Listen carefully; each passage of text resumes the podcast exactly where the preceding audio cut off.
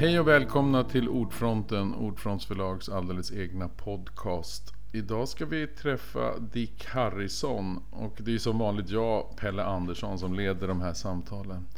Och vi ska prata om din senaste historiska deckare Dick, Herrens år 1401.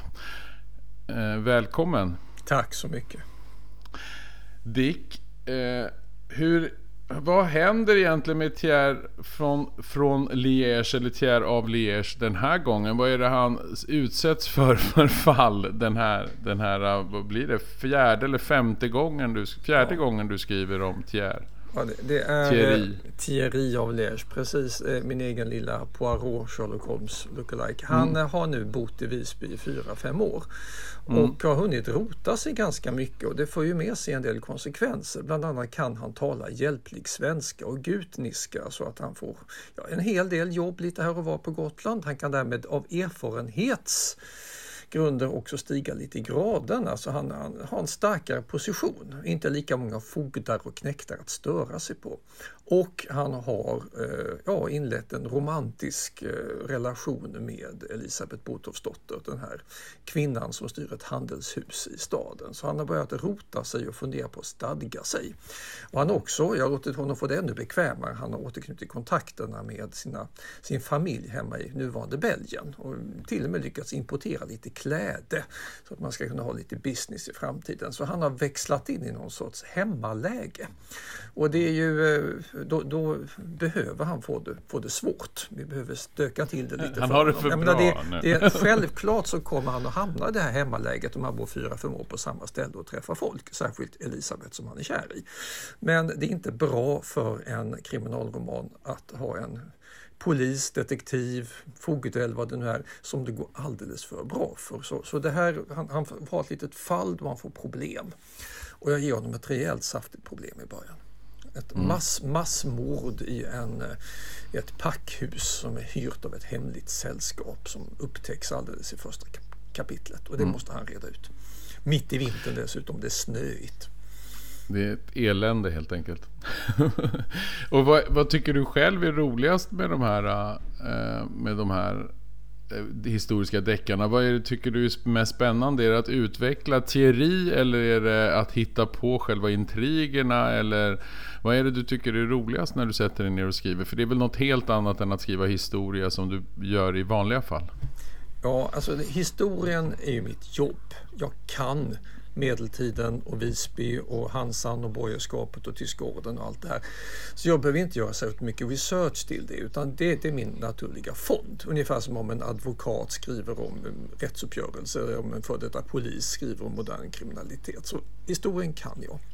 Men jag har ju som yrkesverksam historiker en förpliktelse mot omvärlden och mig själv att inte hitta på. Inte ljuga mm. utan berätta mm. sanningen mm. som det verkligen var i den mån jag kan det. Och det är ju för en person som tycker om att skriva lite av en tvångströja. Så för mig blir det här en säkerhetsventil. Put off some steam och gå ut och bara skriva vad jag tycker är kul. Med historien som, som, som någon sorts fond. Och vad jag då framförallt går igång på det är att göra det som jag stör mig på att tv-regissörer inte gör när de dramatiserar gamla engelska pusseldeckare. För jag har tappat räkning på hur många gånger jag har stört mig på att det fuskas. Det levereras någon sorts deus ex machina, en plötslig lösning de sista tio minuterna som det är fullständigt omöjligt att kunna lösa själv. Jag menar, min fru och jag har suttit jättemycket och kollat igenom en massa Poirot, en massa foil och annat. Framförallt på jularna när man har lite ledigt sett dem inte leda i stora DVD-boxar och det är i 99 fall av 100 komplett omöjligt att räkna ut vem som är mördaren eftersom regissören fuskar. Stoppar in någon information som ingen har kunnat se, inte ens en minsta ledtråd innan. Och det är fusk. Eh, utan eh, alltså, ska, ska det här vara kul för mig så ska du kunna räkna ut vem som har begått mordet eller den stora stölden eller vad det nu är för någonting genom att lägga ledtrådar och pussel. Och det är klart, det är mycket lättare att göra i en bok än på tv och på film. Men det är sällan det görs i dagens kriminalromaner utan det, är oftast mer någon sorts allmän stämning och så någon överraskning och väldigt mycket blod och tårar. Så jag försöker skapa, och det här är min stora utmaning här, försöker skapa klassiska pusseldeckare i historisk miljö där det ska gå för dig som läsare att räkna ut vem som gjorde det. Men det ska vara så svårt att du misslyckas och kommer på dig själv på slutet. Åh fan, det var ju så det låg till. Det är den känslan jag försöker få fram. Och sen ska det dessutom varieras lite så det är inte samma typ av intrig varenda gång. Till det här så kommer ju då att mina personer, och det här är ju samma erfarenhet som alla skönlitterära författare drar, mina personer får ju ett eget liv. De utvecklas. Mm. Jag, menar, jag hade inte tänkt göra Thierry förälskad i Elisabeth Botolfsdotter i bok 1. Men de började bete sig lite så, lite mot min vilja. De började få eget liv. Liksom de övriga gestalterna fick. Och det, det blir för mig överraskningen i böckerna, för det har jag ingen aning om. Det är sånt som bara händer. Liksom mm. det sker i verkliga livet. Mm. Och då är det, det driver dig också lika mycket kanske då? Att försöka få de här, då måste ju Botulfsdotter få en större plats och då måste hon utvecklas. Och vilket tycker du då av det här? Är det de här människorna, drar de iväg dig i historien så att du måste följa dem? Och då, då blir det också spännande att försöka utveckla nya gestalter som kommer emot dig hela tiden. Är det liksom ja, gestalterna jag... som skapar historien lite? Ja, alltså, nu, det, det, blev så när jag skapade en grundintrig. Nu hade jag mm. medvetet valt att ha betydligt fler kvinnor i boken den här gången. För jag tänkte dra in ett kloster. Visby hade ett kloster, Solberga cistercienskloster, precis utanför murarna. Och det visste jag att det, det, är bra att lägga in 1401 för då vet jag att det var problem i klostret. Man diskuterade framförallt en flytt som blev verklighet några år senare. Eh, klostret flyttade in till själva Visby in, innerstad och det, det, måste ha föregåtts av en del problem, lite bråk och gräl som vi inte känner till så noga. Och det är för mig en god ingång. Dessutom har det varit för få kvinnor i boken tidigare så här är det två flugor i samma smäll. Mm. Och då har jag ju en naturlig ingång med Thierrys stora kärlek Elisabeth Botolfsdotter som, som jag kan mm. använda som någon sorts go-between med de här nunnorna och mm. kanske göra lite mer om någon enstaka nunna. Men då trillar genast en massa andra aspekter in som jag inte riktigt var medveten om. Jag måste få in en priorinna ledaren för det här konventet. Jag måste ha in vanligt nunneliv. Vad är nunnorna experter på?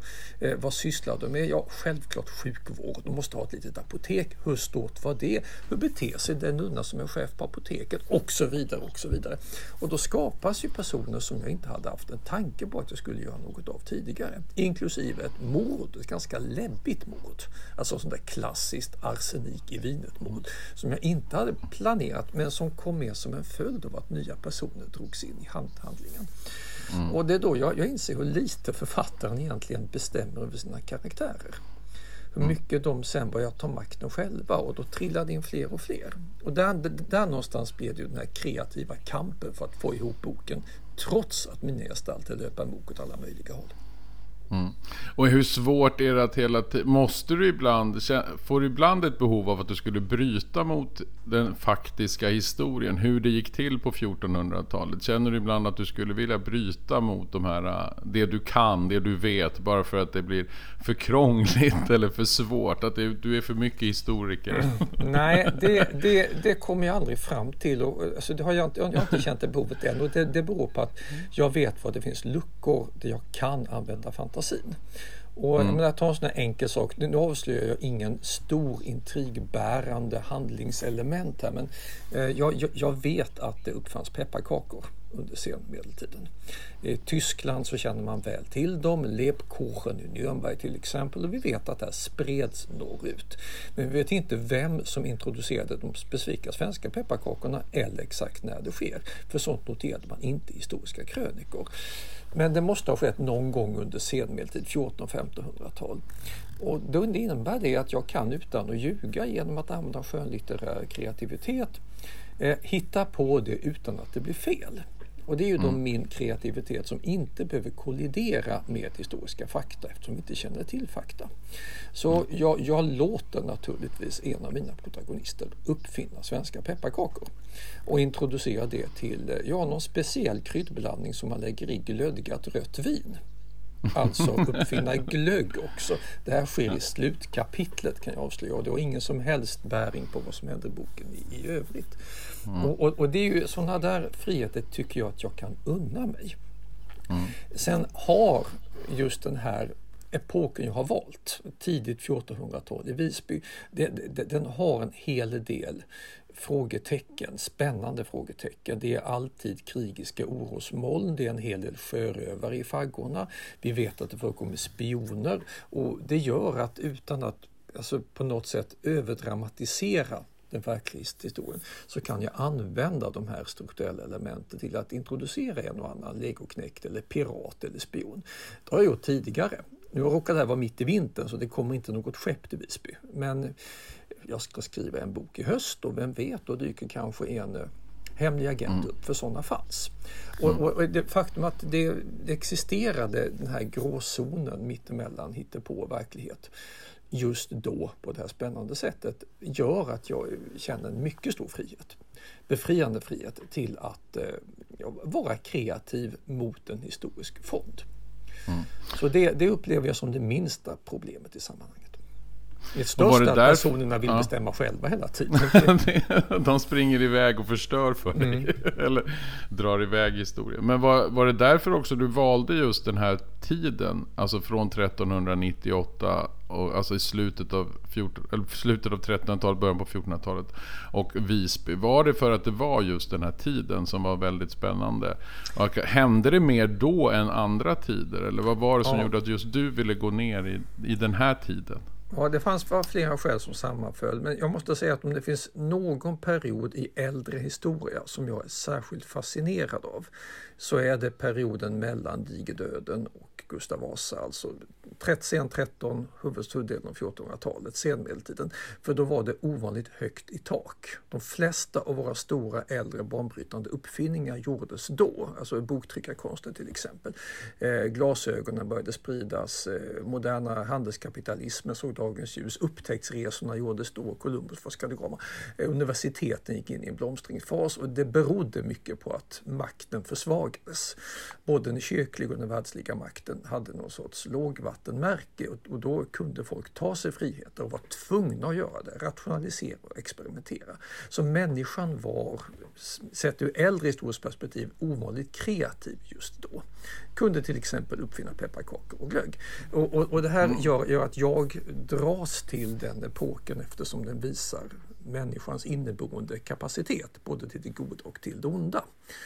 Och det här var särskilt tydligt i Nordeuropa för här hade vi färre resurser, marginalerna var mindre. Så när vi får inbördeskrig och pestepidemi och allmänt elände, då visar sig den här svagheten tydligare. Och då kommer Gotland in. Varför väljer jag då Gotland just då? Ja, det är alltså svaghetens svaghet, det är det som allra mest oroligt.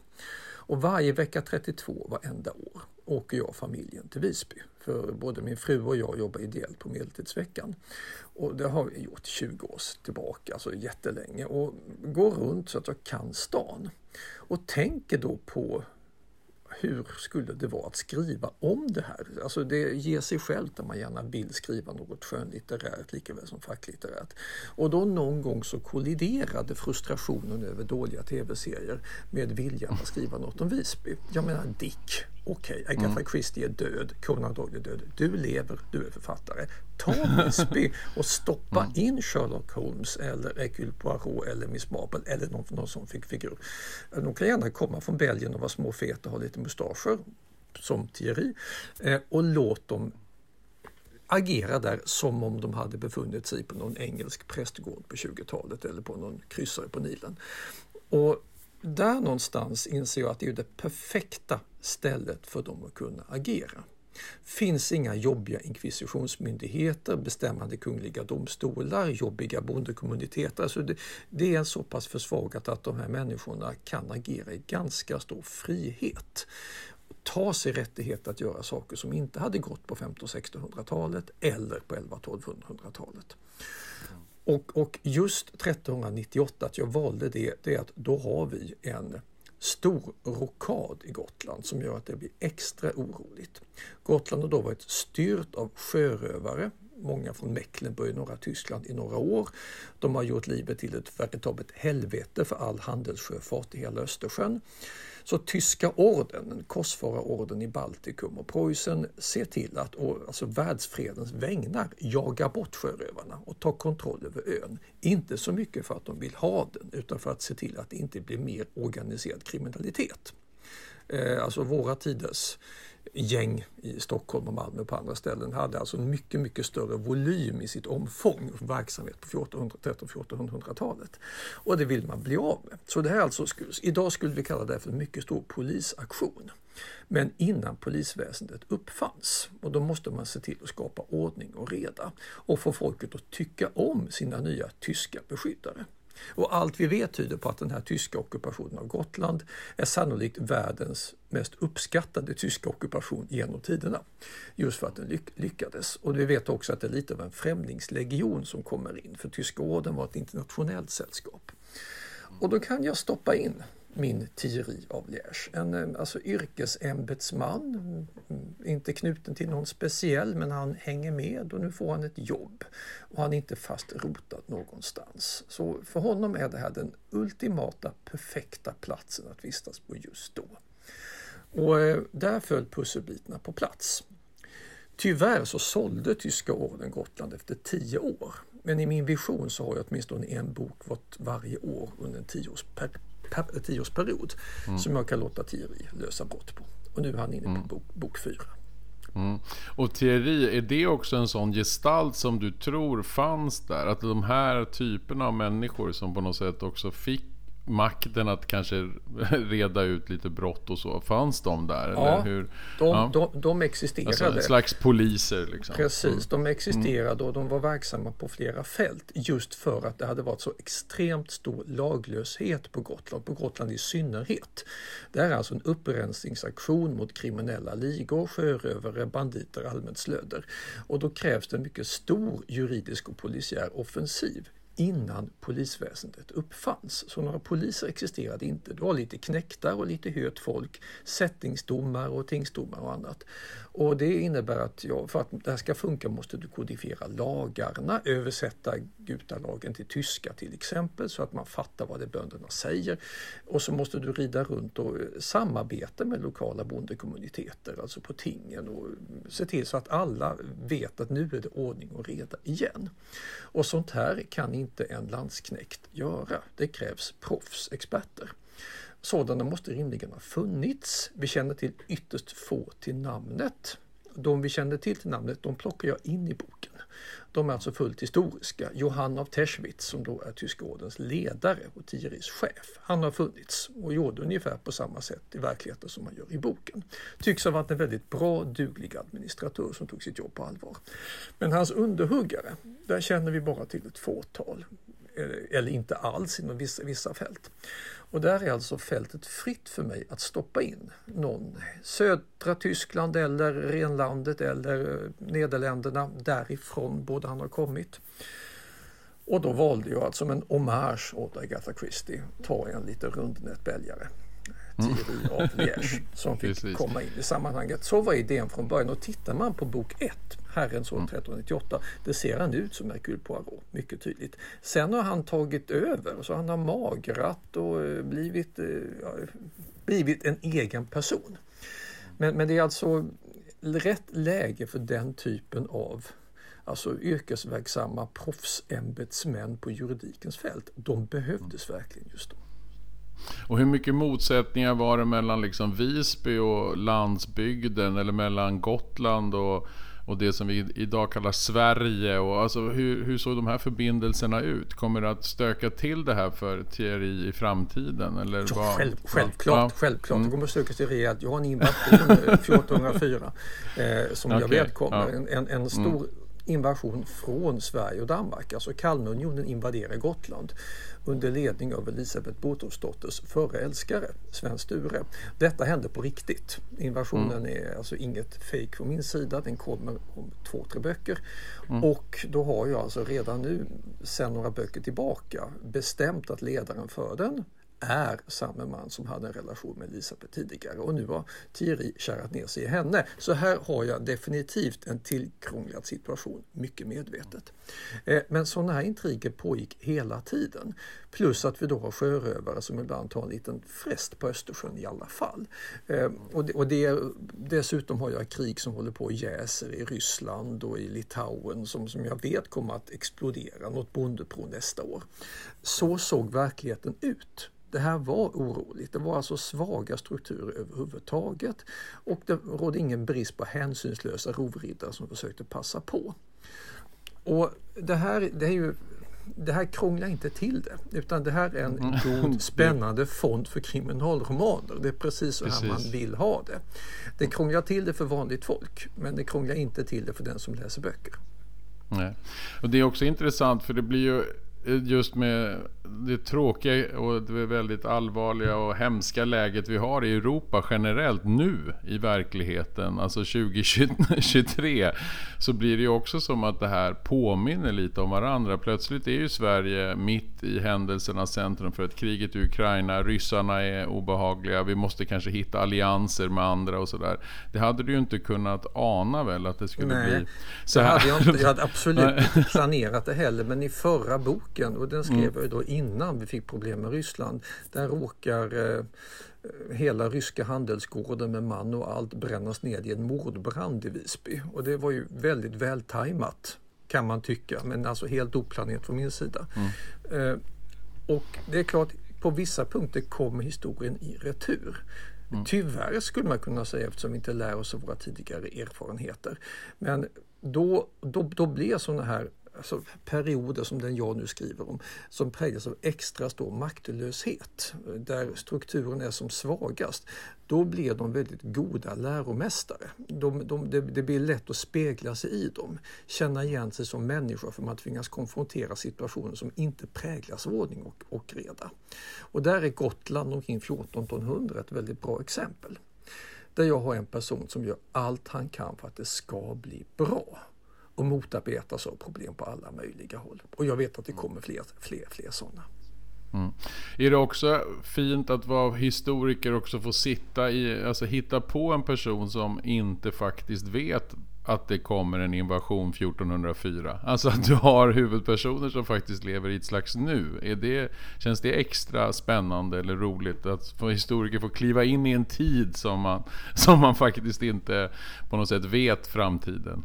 Ja, det, här, det, det är ju dubbelbottnat. Det ger mig ja. en känsla av makt över de här mm. människorna. Jag kan verkligen stöka till deras liv, inte minst på det här känslomässiga planet med mm. Elisabeth. Ehm, men det, det, samtidigt ligger det ju i det här den aspekt som jag egentligen vill ha med mig i huvudet jämt när jag skriver facklitteratur mm. också. Försöker skriva historien framlänges, alltså blicka framåt, inte mm. med facit i hand. Eh, verklig historia utspelar sig aldrig utifrån ett scenario där vi vet vad som händer. Vi vet inte när nästa invasion av något grannland till Ryssland dyker upp. Vi vet inte hur Erdogan kommer att agera i Ankara. Vi vet inte vem som vinner nästa års presidentval i USA och så vidare. Vi har ingen aning. Ehm, och så ser all historia ut på, på riktigt. Men vi historiker och alla människor tillrättalägger den i efterhand. Från får mm. det se så självklart ut med ett sånt där facit. När jag skriver min facklitteratur så försöker jag så mycket det är möjligt arbeta bort efterhandsperspektivet och se det ur de agerandes eget perspektiv. Och det är svårt nog, för jag måste ha stora sammanhang och förklara alltså strukturer eller relationer. Men jag kan kapa bort alla stora sammanhang. Jag måste göra det när jag skriver i skala 1 till 1 och mm. utgår från enskilda skönlitterära personer. Då får det inte finnas någon som helst susning om vad som kommer efteråt. Men Nej, de som precis. läser böckerna vet ju ofta inte det här heller. Jag menar gotländsk lokalpolitik på 1400-talet ingår inte i all, allmänbildningen. Eh, så, så, fienden här det är ju historikern Dick Harrison, han som sitter och mm. vet. Och, mm. och, och, den upplevelsen måste jag försöka ta bort så mycket som möjligt. Och det har hittills mm. lyckats, hoppas jag. Mm. Känner du själv att det ändå är en härlig frihet? Är det liksom, vad är det som gör att du vill skriva skönlitterärt? Vad är det som, du skulle ju kunna skriva om den här tiden i en fackhistorisk, fackhistoriska böcker istället, eller hur? Vad är det som gör att du tycker det är så fascinerande att få kliva in i skönlitteraturen och hitta på? Ja, alltså det, dels är det ju känslan av att utvecklas. Mm. Att, att utvecklas som författare när man har skrivit ett hundratal böcker i samma genre, vilket jag har. Jag har skrivit mm. tror det 104 eller 105 sammanlagt och de allra flesta facklitteratur.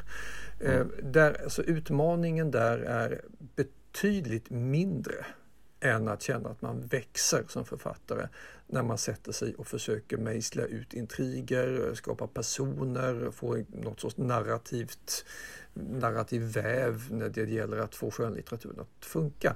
Där känner jag mm. att jag har mer att ge. Jag växer. Mm. Mm. Men, men framför allt så tycker jag att det här är kul. Ja. Jag, vill, jag, vill, kunna sy ihop den där intrigen. Det här, den här menar, ta, den som läser teoriromanerna känner ju igen grundkoncepten. Det är ju klassiker. Ta den, den andra boken, då var det ett låst rum utan möjlighet att komma in. Där det hade begåtts ett mord. Det hängde en man från taknocken. Och det fanns ingen möjlighet för någon att ta sig in eller ut. Det här klassiska det låsta rummets gåta.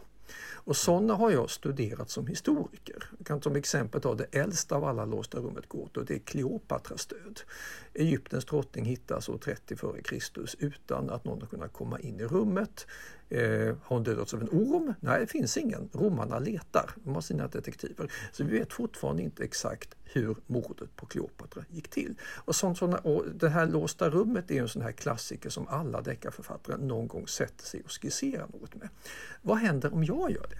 Kan jag mm. skapa en låsta rummet-historia och få läsaren, trots alla ledtrådar, att inte räkna ut hur det gick till? Eh, alltså den, det, det tycker jag är kul. Alltså det, det tillfredsställer min kreativa fantasi. Att sitta och fundera ihop det och sen få det att funka. Och det gör det ju inte första gången. Det här kräver ju många bearbetningar fram, fram och tillbaka. Men, men det, och det här är ju på hösten, måste jag säga, mitt livsnerv. För då är det undervisning och det regnar och det är förkylningar och det är massa skit som drabbar oss alla under hösten. Men jag går upp i femtiden och sätter mig och så skriver jag under en, en timme och bara glider in i den här pusseldeckarväven istället. Och det är oerhört skönt. Jag ser fram emot det hela året.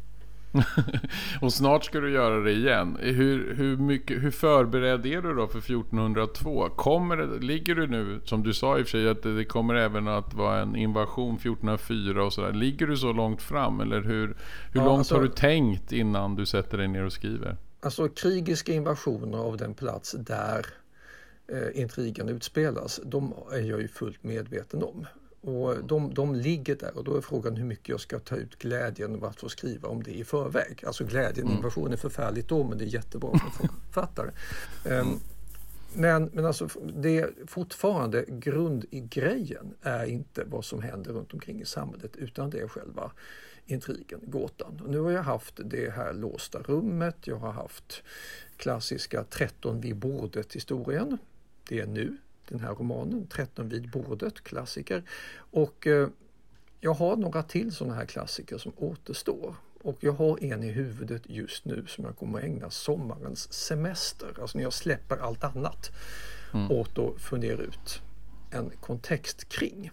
Och vi ska iväg på semester om några dagar och jag vet precis vilka moment med långa transportsträckor och vilsam eh, poolvistelse i solen som är som optimalast för att sitta och lägga ytterligare pus pusselbitar. Mm. Så jag kommer att vara kreativ och tänka på det här utifrån mm. en ram som jag redan har under de kommande månaderna. Sen i september, då är det go. Ja, precis. Så du sitter och tänker ut det på sommaren och sen får du äntligen ja. skriva det i, i höst? Precis, och sen får min fru läsa det och då är hon väldigt, väldigt kritisk med rätta och sen får jag skriva om det och sen hamnar det hos er på förlaget. Mm. Härligt. Vi har ju faktiskt pratat nu en hel halvtimme här Dick. Det har ju gått med, med fart. Nästan lika snabbt som när du skriver. För jag tycker du skriver, alltså jag fattar inte hur du hinner med allting. Du har ju skrivit hundra böcker och du har skrivit nu fyra deckare och den femte är på väg. Och det var alldeles nyss du lämnade Fienden, våran bok om, den historiska boken om Ryssland och så. Hur hinner du? jag är arbetsdisciplinerad. Jag går alltså upp 04.30 på morgonen, då ringer klockan och sen så har jag fram till klockan halv sju på mig innan jag ska göra frukost åt min icke alls lika morgonpigga familj. Och mm. de, de timmarna i början då är jag enormt kreativ. Sen sticker jag emellan mig lite då och då beroende på hur mycket undervisning jag har i övrigt. Men alltså, arbetskreativiteten den bottnar inte i talang, den bottnar i lång och hård träning. Jag vet hur man löser upp uh, sådana här knutar och uh, läser, tar igenom, skriva blockeringar och går vidare. Det är ett hårt slit men jag kan knepen vid det här laget. Arbetsdisciplin och lång hård erfarenhet. Det är, det är enda sanningen. Vi på förlaget är mycket tacksamma för detta. Tack så hemskt mycket Dick Harrison för att du kom hit till Ordfronten och pratade om Herrens år 1401 och hela ditt eh, faktiskt historiska deckarförfattarskap. Tack så hemskt mycket Dick. Varsågod, trevlig sommar. Mm. Ja, Tack så mycket och det var allt för Ordfronten för den här gången och vi kommer tillbaka med fler avsnitt så småningom. Tack och hej, ha det så bra!